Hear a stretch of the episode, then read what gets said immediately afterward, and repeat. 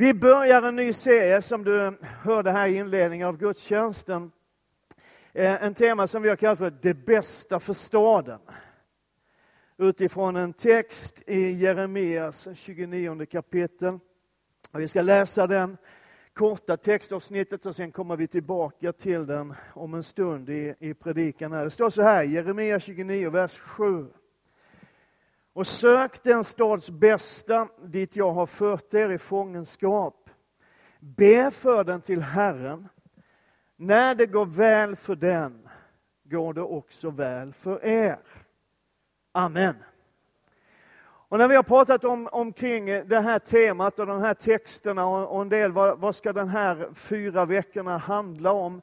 När vi har det här temat så, så har vi pratat lite grann om, om det här och, jag ska bara ge en introduktion idag så spinner vi vidare sedan. Vi har pratat om hur ser det ut när en församling verkligen älskar sin stad och människorna som bor i den staden. Hur ser det ut? Vilka uttryck kan det ta sig? Jag ska ge en liten grund idag och sen så får de andra som kan det här utveckla det sedan som Kalle och Peter och så kommer jag tillbaka på slutet och rättar till alltihopa så blir det här väldigt bra. Amen. Vet, ibland så talar vi om att en församling och det liv, alltså de strömmar som finns i en församling har tre riktningar. Vi brukar prata om att en riktning sträcker sig uppåt från församlingen, från våra hjärtan till Gud. Och det gör att vi uttrycker vår tacksamhet, vi tillber honom, vi sjunger lovsång och allt det som liksom ligger med i vårt hjärtas riktning till Gud. Vi ger honom vår kärlek. Och det är fantastiskt att få göra det. Jag älskar att göra det tillsammans med församlingen varje söndag och vid andra tillfällen när vi möts för att, att lovsjunga och tillbe och prisa den Herre som har köpt oss fria och satt oss in i sitt rike. Den här strömmen tar sig också ett uttryck Eh, som jag talat om genom den resa genom Galaterbrevet som vi har haft en, under en ganska lång tid. Här. Den tar sig uttryck i en längtan och en strävan efter helighet och renhet. Att leva på ett sätt, att leva ett liv som ärar Gud, som behagar honom, inte för att vinna hans gillande, han gillar dig redan, men för att han har gjort så mycket så vi vill leva på ett sätt som ärar honom. Heligt och rent och helhjärtat. Det finns också en ström, ett flöde, en kraft i församlingen som, som liksom vänder sig inåt. Som handlar om omsorgen om varandra, vi som tillhör församlingen, vi som tillhör den här lokala delen av Kristi kropp. Det handlar om gemenskap, det handlar om tröst, det handlar om uppbyggelse och undervisning och lärjungaträning. Och ibland, någon enstaka gång, kanske också om lite förmaning. Det kan vi behöva ibland, åtminstone jag, kanske inte du, men jag, jag gör det. Och så finns det en riktning, ett flöge, flöde som, som sträcker sig utåt.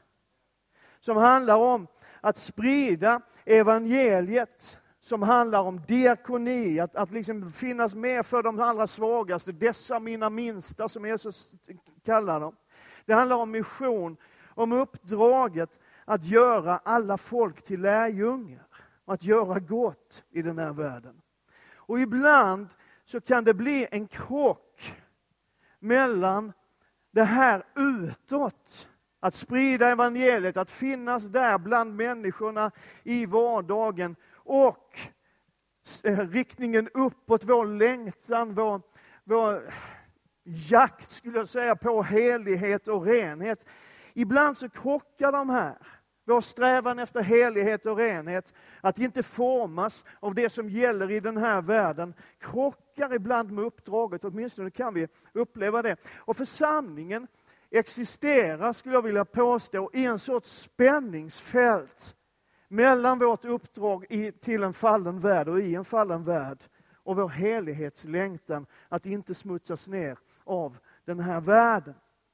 Och Det finns en fras som ganska många känner igen, tror jag att vara i världen, men inte av världen. Hur många har hört den frasen? Många, många har hört den. Det finns varianter på den. Eh, någon som har sagt liksom att båten ska vara i vattnet, men vattnet ska inte vara i båten.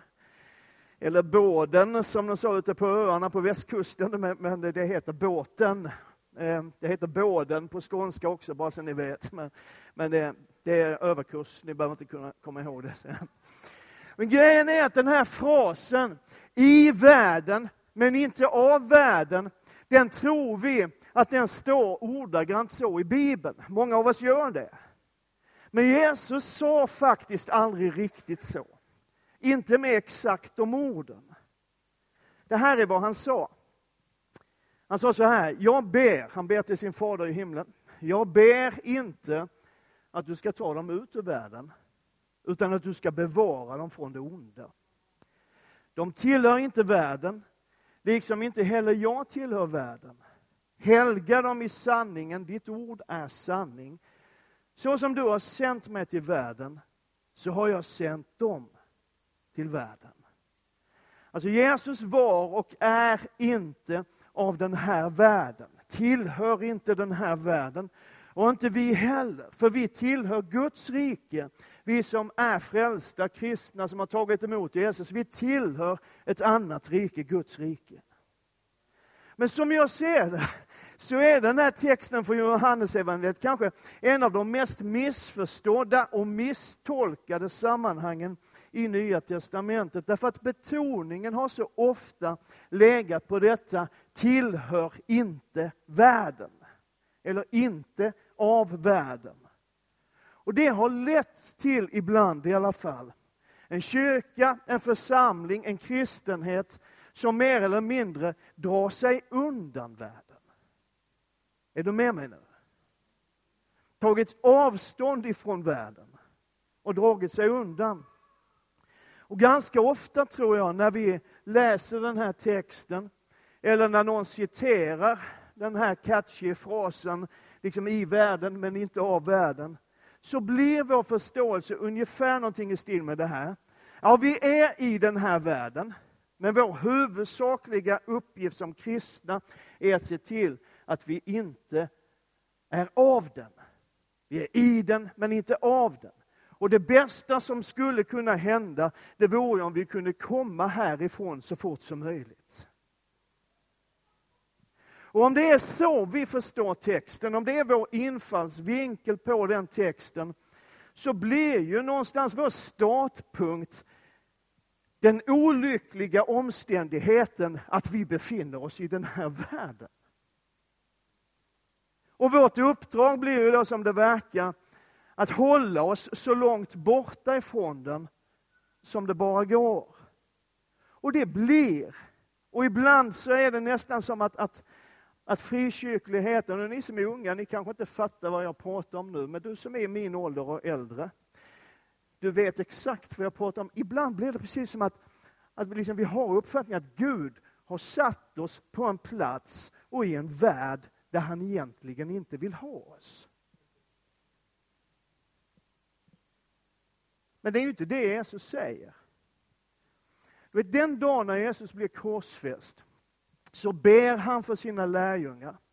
Han ber för sina efterföljare. Och det är från den bönen som texten som vi nyss läste är hämtad. Och så konstaterar han att jag tillhör inte den här världen och de tillhör inte den här världen, så den saken är klar. Men grejen är att Jesus är på väg någonstans med det han säger. Han vill komma någonstans. Det finns en poäng som han vill göra i det han säger. Så tillhör inte världen är inte slutpoängen. Tillhör inte världen är inte målet utan själva startpunkten. Tillhör inte världen är inte den punkt vår tillvaro rör sig mot utan vad vi utgår ifrån. Och poängen, det viktigaste i den här bönen som Jesus ber, det är det här, som du har sänt mig till världen, så har jag sänt dem till världen. Vi tillhör inte den här världen. Vi som har Jesus i våra liv, som har tagit emot honom som frälsare och Herre, tillhör inte den här världen. Men vi har blivit sända till den. Och det måste ju betyda, kära syster bror, att Gud vill ha oss här. Amen. Det är rätt skönt att veta det. Vi är liksom inte här av misstag. Utan Gud vill ha oss här. Han har till och med sänt oss hit. Som du fader, säger Jesus, som du fader har sänt mig till världen, så har jag sänt dem in i den här världen. Jag tillhör inte världen, är inte vår slutdestination. Egentligen är det inte ens del av vårt mål, utan det är själva förutsättningen. Det är verktyget som vi har blivit givna så att vi ska kunna fullfölja vårt uppdrag i den här världen. Därför att om vi ska ha ett uppdrag i den här världen och göra någonting för den här världen, och vi ska kunna söka den här stadens bästa, det här landets bästa, så måste vi ju ha någonting som inte finns i den här världen. Då måste vi ju bidra med någonting som inte den här världen kan bidra med själva, och det är det vi har. För vi tillhör inte den här världen, vi kommer någon annanstans ifrån. Vi kommer från Guds rike och så dunkar vi in i den här världen med det vi har. Det är ju det som är skillnaden, fattar du? Ja, det är värt en applåd. Inte för att jag sa det, men för att det är bra. Du vet, vårt uppdrag är inte, kan aldrig vara att dra oss undan världen. Det kan man göra för en tid, men det är bra tror jag ibland att söka Gud och, och liksom sätta sig på sin kammare eller åka på en retreat eller någonting sånt där för att under en tid bara söka Gud och hämta mer ifrån Guds rike så att vi har att ge in i den här världen. Men vårt uppdrag är inte att dra oss undan från den här världen. Vi har blivit sända till världen, vi har blivit sända till Sverige, vi har blivit sända till Enköping med ett uppdrag att fylla den här världen, att fylla vårt land, att fylla den här staden med Guds härlighet. Det är därför vi är här. Vi är här för att vara ett exempel för världen. Vi är här i Enköping för att vara ett exempel för Enköping på hur ett liv i gemenskap med Gud ser ut. Vem Gud är och vad han kan göra i en människas liv. Vi är här för att förkunna glädjens budskap för de fattiga. Vi är här för att utropa frihet för de fångna, syn för de blinda. Vi är här för att ge de förtryckta frihet. Vi är här för att förkunna ett nådens år från Herren. Och du vet det ljus som vi har fått, det har vi ju inte fått för att vi ska kunna hitta vår väg ut ur denna mörka, dystra värld. Utan vi har fått det ljus som vi har fått för att vi ska kunna göra den här världen ljusare, för att vi ska kunna lysa upp den så att människor kan finna vägen till Jesus Kristus. Jesus säger i Matteus 5, ni är världens ljus. En stad som ligger på ett berg kan inte döljas. Man tänder inte ett ljus och sätter det under skeppan, utan man sätter det på hållaren så att det lyser för alla i huset. På samma sätt ska ert ljus lysa för människorna. Så att de ser era goda gärningar och prisar er far i himlen. Vi är världens ljus. Vilken värld den här världen? Så som du har sänt mig, så har jag sänt dem. När man läser det och funderar på det så kanske man borde tänka lite grann, men hur var Jesus sänd? Vad låg i hans uppdrag? Vad var hans sändning till den här världen? Och självklart är det så att Jesus primärt kom för att dö för mänsklighetens synd. Han kom för att öppna en väg till frälsning och frihet genom tro på honom. Allt det som hör ihop med Guds plan för att rädda mänskligheten. Och det behöver inte vi göra, jag tycker det är väldigt skönt, det är redan gjort. Men det fanns något mer. Johannes skriver så här i sitt första kapitel, den 18 versen, att ingen har någonsin sett Gud, men den enfödde som själv är Gud och i Faderns famn, han har gjort honom känd. Så Jesus kom för att göra Gud känd. Andra översättningar använder uttryck som att Jesus kom för att förklara Gud. Eller tydliggöra, eller uppenbara Gud. Och det judiska folket som Jesus kom till, de tyckte nog att de kände Gud, för de var ju hans folk. Och de hade en viss kunskap om Gud. Men den kunskapen, liksom bilden av Gud som man hade, var rätt suddig, skulle man kunna säga. Den handlade mest, som jag pratat om i, under Galaterbrevets studie, det handlar väldigt mycket om lagar och regler och förbud. Och väldigt lite om nåd och barmhärtighet och upprättelse och frihet. Men Jesus kom, han blev sänd för att visa vem Gud verkligen är. Och i sin bön säger Jesus, som du Fader har sänt mig, så sänder jag dem. Vi har blivit sända till den här världen, till den här stan. För att göra bilden av Gud tydligare. Att hjälpa människor i Enköping, ända bort till Örsundsbro till och med. Att se vem Gud är. Wow. Vi går tillbaka till det här sammanhanget Jeremia. Vet, de har vandrat folket. De har tvingats vandra. Över 800 kilometer har man gått genom stenig öken, bergstrakter. Det har varit varmt, brist på vatten. Det höga tempot i marschen har plågat dem. Och kvar i deras sinnen finns bilderna av en ödelagd stad. Ett tempel som ligger fullständigt nerrivet i ruiner. Och de babyloniska styrkorna för dem till en plats som ingen av dem antagligen har besökt förut. De kommer till en stad de, dit de egentligen aldrig har haft någon längtan att komma. Och det värsta är att de har blivit varnade i förväg. Profet efter profet har trätt upp, förmanat, vädjat, sagt till dem, ni måste vända om. Ni måste komma tillbaka till Herren, annars kommer det att gå illa. Men folket har inte velat lyssna, inte ens till Jeremia som i detalj har beskrivit vad som skulle ske om de inte började söka Gud igen. Och så har allt hänt precis så som Jeremia sa att det skulle bli.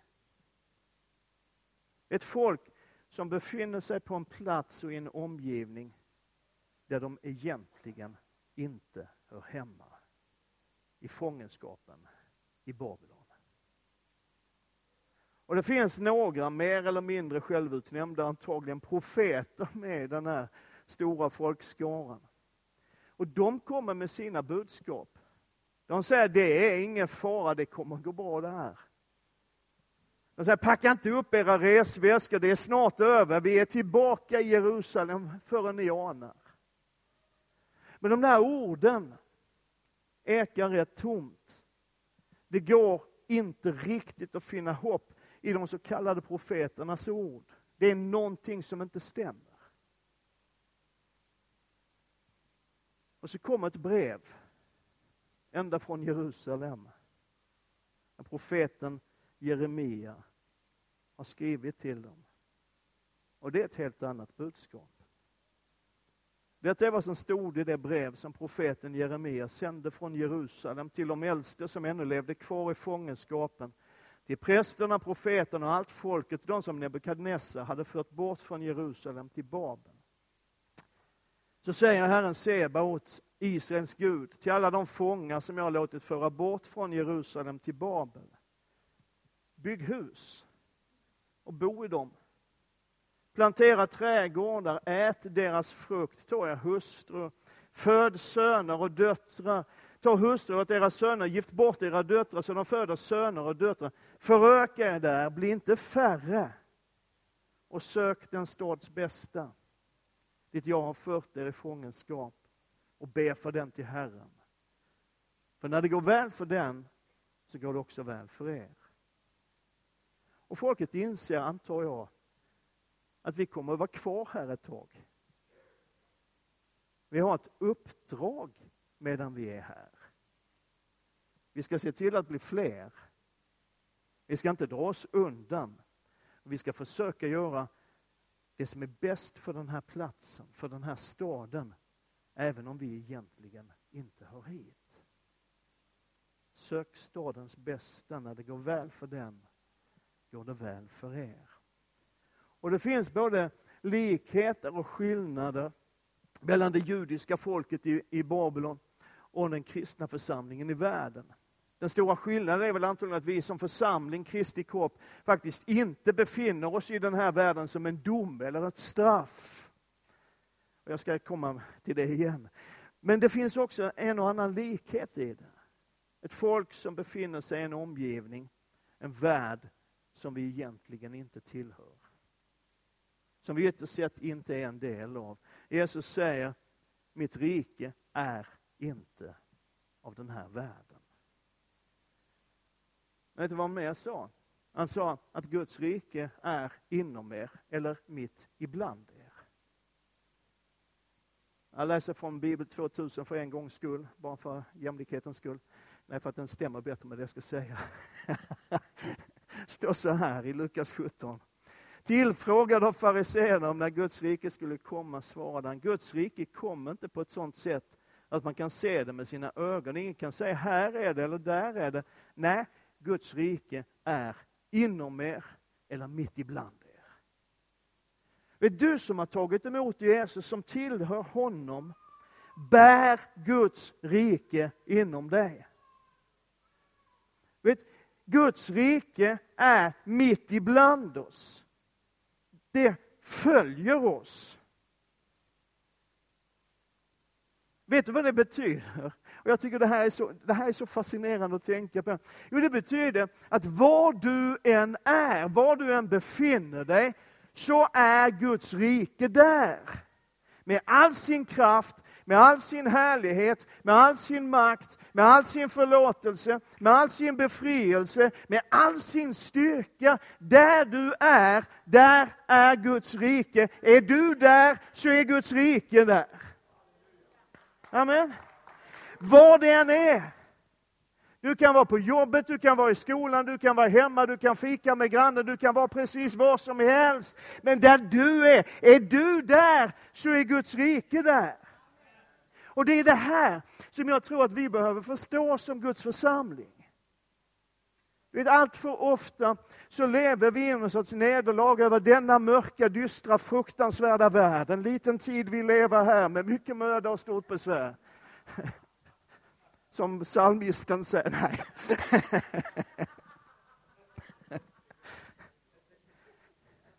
Men grejen är att vi är inte under, vi är över, vi är huvud och inte svans. Där du är, är Guds rike. Halleluja. Ja, men det är så mörkt och dystert. Ja, men du har ju ljuset. Tänd lampan, människa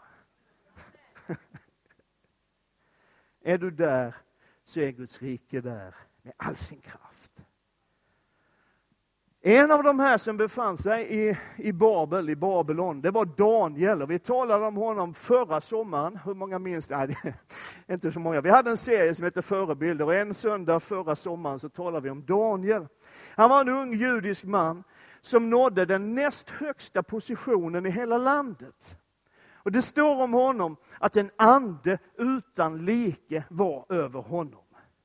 Eller i den gamla översättningen, ibland gillar jag den gamla översättningen från 1917. Det är liksom ett sånt mustigt språk. En övermåttan hög ande var i honom. Visst låter det häftigt? Jag skulle vilja ha en övermåttan hög ande på mitt liv. Det... Du vet, Daniel, med den övermåttan höga ande han hade, den ande utan like, Guds ande som vilade över honom. Han gick all in i det babyloniska samhället. Med allt vad han hade. vet, han klädde sig som en babylonier. Han talade deras språk, han deltog i deras samhälle, han blev till och med chef för ett departement som handlar om okultism. Han fixade det också kan kolla själv när du kommer hem om du inte tror mig. Alltså han bidrog rakt in i det samhället och den världen med den han var och det han hade. Men så står det en grej. Han åt inte deras mat. Ja, det kan man ju förstå. Jag åt mat i Etiopien och det blev inte bra. Nej. Men så grejen är att det görs en poäng av det i Danielsboken, att han inte käkade den maten. Och det blir till en bild som hjälper oss, tror jag, att förstå hur vi kan förhålla oss till den värld vi lever i. Därför att Daniel levde i världen, han levde mitt i en kultur som inte var hans, mitt i ett sammanhang som inte var hans. Men han hämtade inte sin näring från det sammanhanget. Är du med nu? Han hämtade inte näringen från världen. Han hämtade inte sin kraft, sin inspiration och sina värderingar från den värld han levde i. Det hämtade han från det rike han tillhörde, Guds rike. Amen.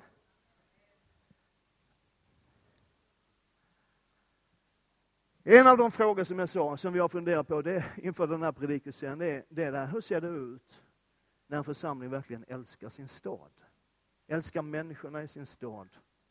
Hur ser det ut när vi som församling söker stadens bästa? Och nu, nu släpper vi ju liksom inte kontakten varken uppåt eller inåt eller så, det fattar du också. Men hur ser det ut när en församling av hjärtat älskar sin stad och söker stadens bästa? Vet, för, några, för några år sedan så hörde jag om en församling i Adelaide i Australien. Ehm, de arbetade bland annat in i de fattigare områdena i stan nästan slum. Och de bestämde sig för som församling att skolan som finns i det här området, den är väl risig. Den är, den är liksom inte ett exempel för vår stad på hur det ska se ut. Så de bestämde sig för att vi renoverar skolan. Och så kontaktade man rektorn, man fick ett tillstånd under ett par veckor under ett höstlov så målar man, man reparerade, man fixade nya datorer, man pyntade, man fixade en lekplats på skolgården. Liksom förvandlade hela den här skolan. Det är sjukt häftigt, eller hur? Och något år senare, samma församling totalrenoverade ett äldreboende i samma område. Gjorde det superfint. Och när jag hörde det här, det är några år sedan nu, så bara tänkte jag, wow, liksom, tänk om vi som församling kunde göra någonting sånt. Och så kom jag på att vi lever i Sverige. Med svensk byråkrati. Vi har lagar om offentlig upphandling. Vi har regler för precis allting i vårt land. Och finns det inga regler så finns det alltid någon kommunal nämnd eller någon kommunal tjänsteman som hittar på en regel. Det är så det funkar i det här landet. Eller hur? Och ju mer jag tänkte på det så insåg jag någonting som jag tror är rätt viktigt. Att Guds storhet visar sig väldigt ofta i det lilla.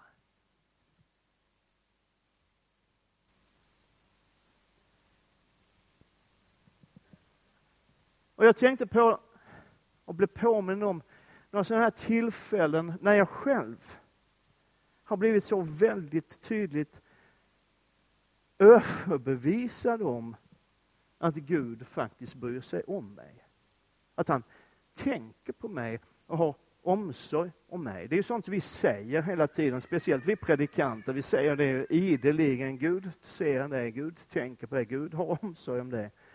Men det finns några sådana här tillfällen när man själv har riktigt erfarit, ja men så är det ju. Vet, ett sådant tillfälle så satt jag på mitt kontor, det var inte här, eh, utan det var någon annanstans, där jag jobbade under några år. Jag satt på mitt kontor och var rätt ledsen. Därför att jag kände mig missförstådd. Det hade varit en situation och jag kände mig missförstådd och illa behandlad. Och så tyckte jag att människor var orättvisa och elaka. Och så ringer telefonen. Och så är det en man som jag, jag hade ingen aning om vem det var. Och han kände inte mig heller. Han sa det när han ringde. En man i 80-årsåldern. Sen säger du, jag känner inte dig, men för många år sedan så var jag medlem i din församling och jag brukar be för församlingen och för den som är pastor varje dag. Det är fint. Eller hur? Lite fint. Ja. Och så sa han, och idag så fick jag en märklig känsla att jag skulle ringa och ge dig ett bibelord. Och så gav han mig i den situationen, det här ordet ifrån Hebreerbrevet 6, där det står Gud är inte orättvis. Gud är inte orättvis.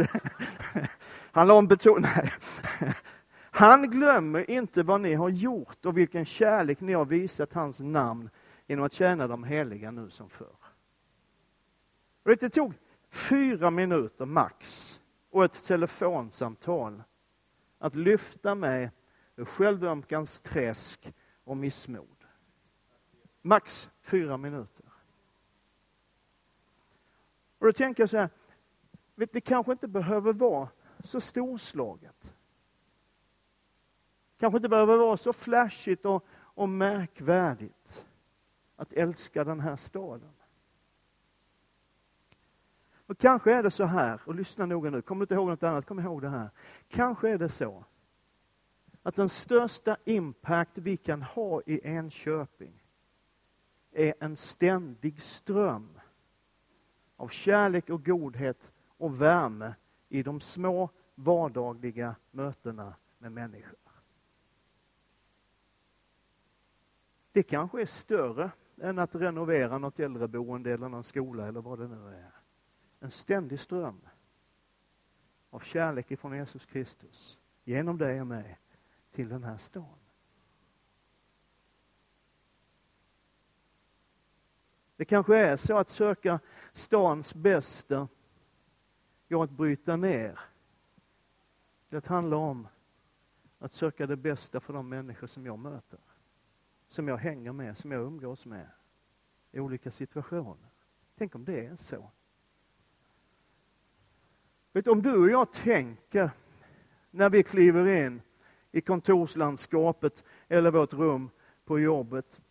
Vi sätter oss ner i klassrummet eller slår oss ner med lunchbrickan tillsammans med en arbetskamrat eller tar en kopp kaffe med grannen. Om vi då är medvetna om och tänker att jag är här som representant för Guds rike. Vi tänker om det kunde prägla, jag ska försöka låta det prägla mig när jag sätter mig på min arbetsplats. Eh, och liksom sprida det. Nej. Men, men tänk om vi kunde få in det i våra medvetanden att det är faktiskt så det är. Att jag är här. Jag är på den här arbetsplatsen som representant för Guds rike. Jag sitter i det här klassrummet och ibland är det roligt och för det mesta är det väldigt segt. Jag sitter här och sliter med matte och allt vad det nu är för någonting. Jag sitter här, men jag är en representant för Guds rike. Jag tar min lunchbricka tillsammans med alla de andra. Jag käkar samma mat som alla de andra. Men jag är här i lunchrummet på jobbet som en representant för Guds rike. Och det är fullständigt normalt, tror jag, att ta en kopp kaffe med en granne eller någon annan som du känner. Men tänk att ha med det. Att nu är jag här. Och då är Guds rike också här. Vet du, behöver man, inte, man behöver inte gödsla folk med, med bibelord. Det, det räcker att finnas där och ge av kärlek och omsorg och värme. Jag har sagt det för, förut, men jag tror det tål att upprepas. Vet, det finns ju någon där ute, någon i din närhet, som behöver dig. Det finns någon där ute som har bett en bön till en Gud som man inte är säker på att han ens finns. Att någon skulle komma på besök idag. Det finns någon där ute som skulle behöva sitta ner några minuter med någon som är beredd att lyssna. Utan att döma, någon som bara finns där. Finns någon där ute i din närhet som du känner som kanske skulle behöva ett telefonsamtal, en uppmuntran. Det finns någon där i din närhet som behöver en kopp kaffe. Alla människor behöver en kopp kaffe. Och en stunds varm gemenskap. Och så tänker jag att kanske gör vi Gud allra mest tydlig för människor i de där små återkommande kärleksfulla gesterna. Att söka stadens bästa kanske är att söka det bästa för dina arbetskamrater, dina grannar, din släkt, dina skolkompisar, de som finns omkring dig. Och var beredd att ge av det rike som ständigt finns med dig.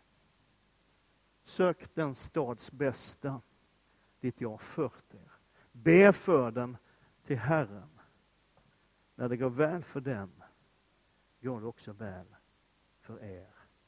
Och allt folket sa? Amen.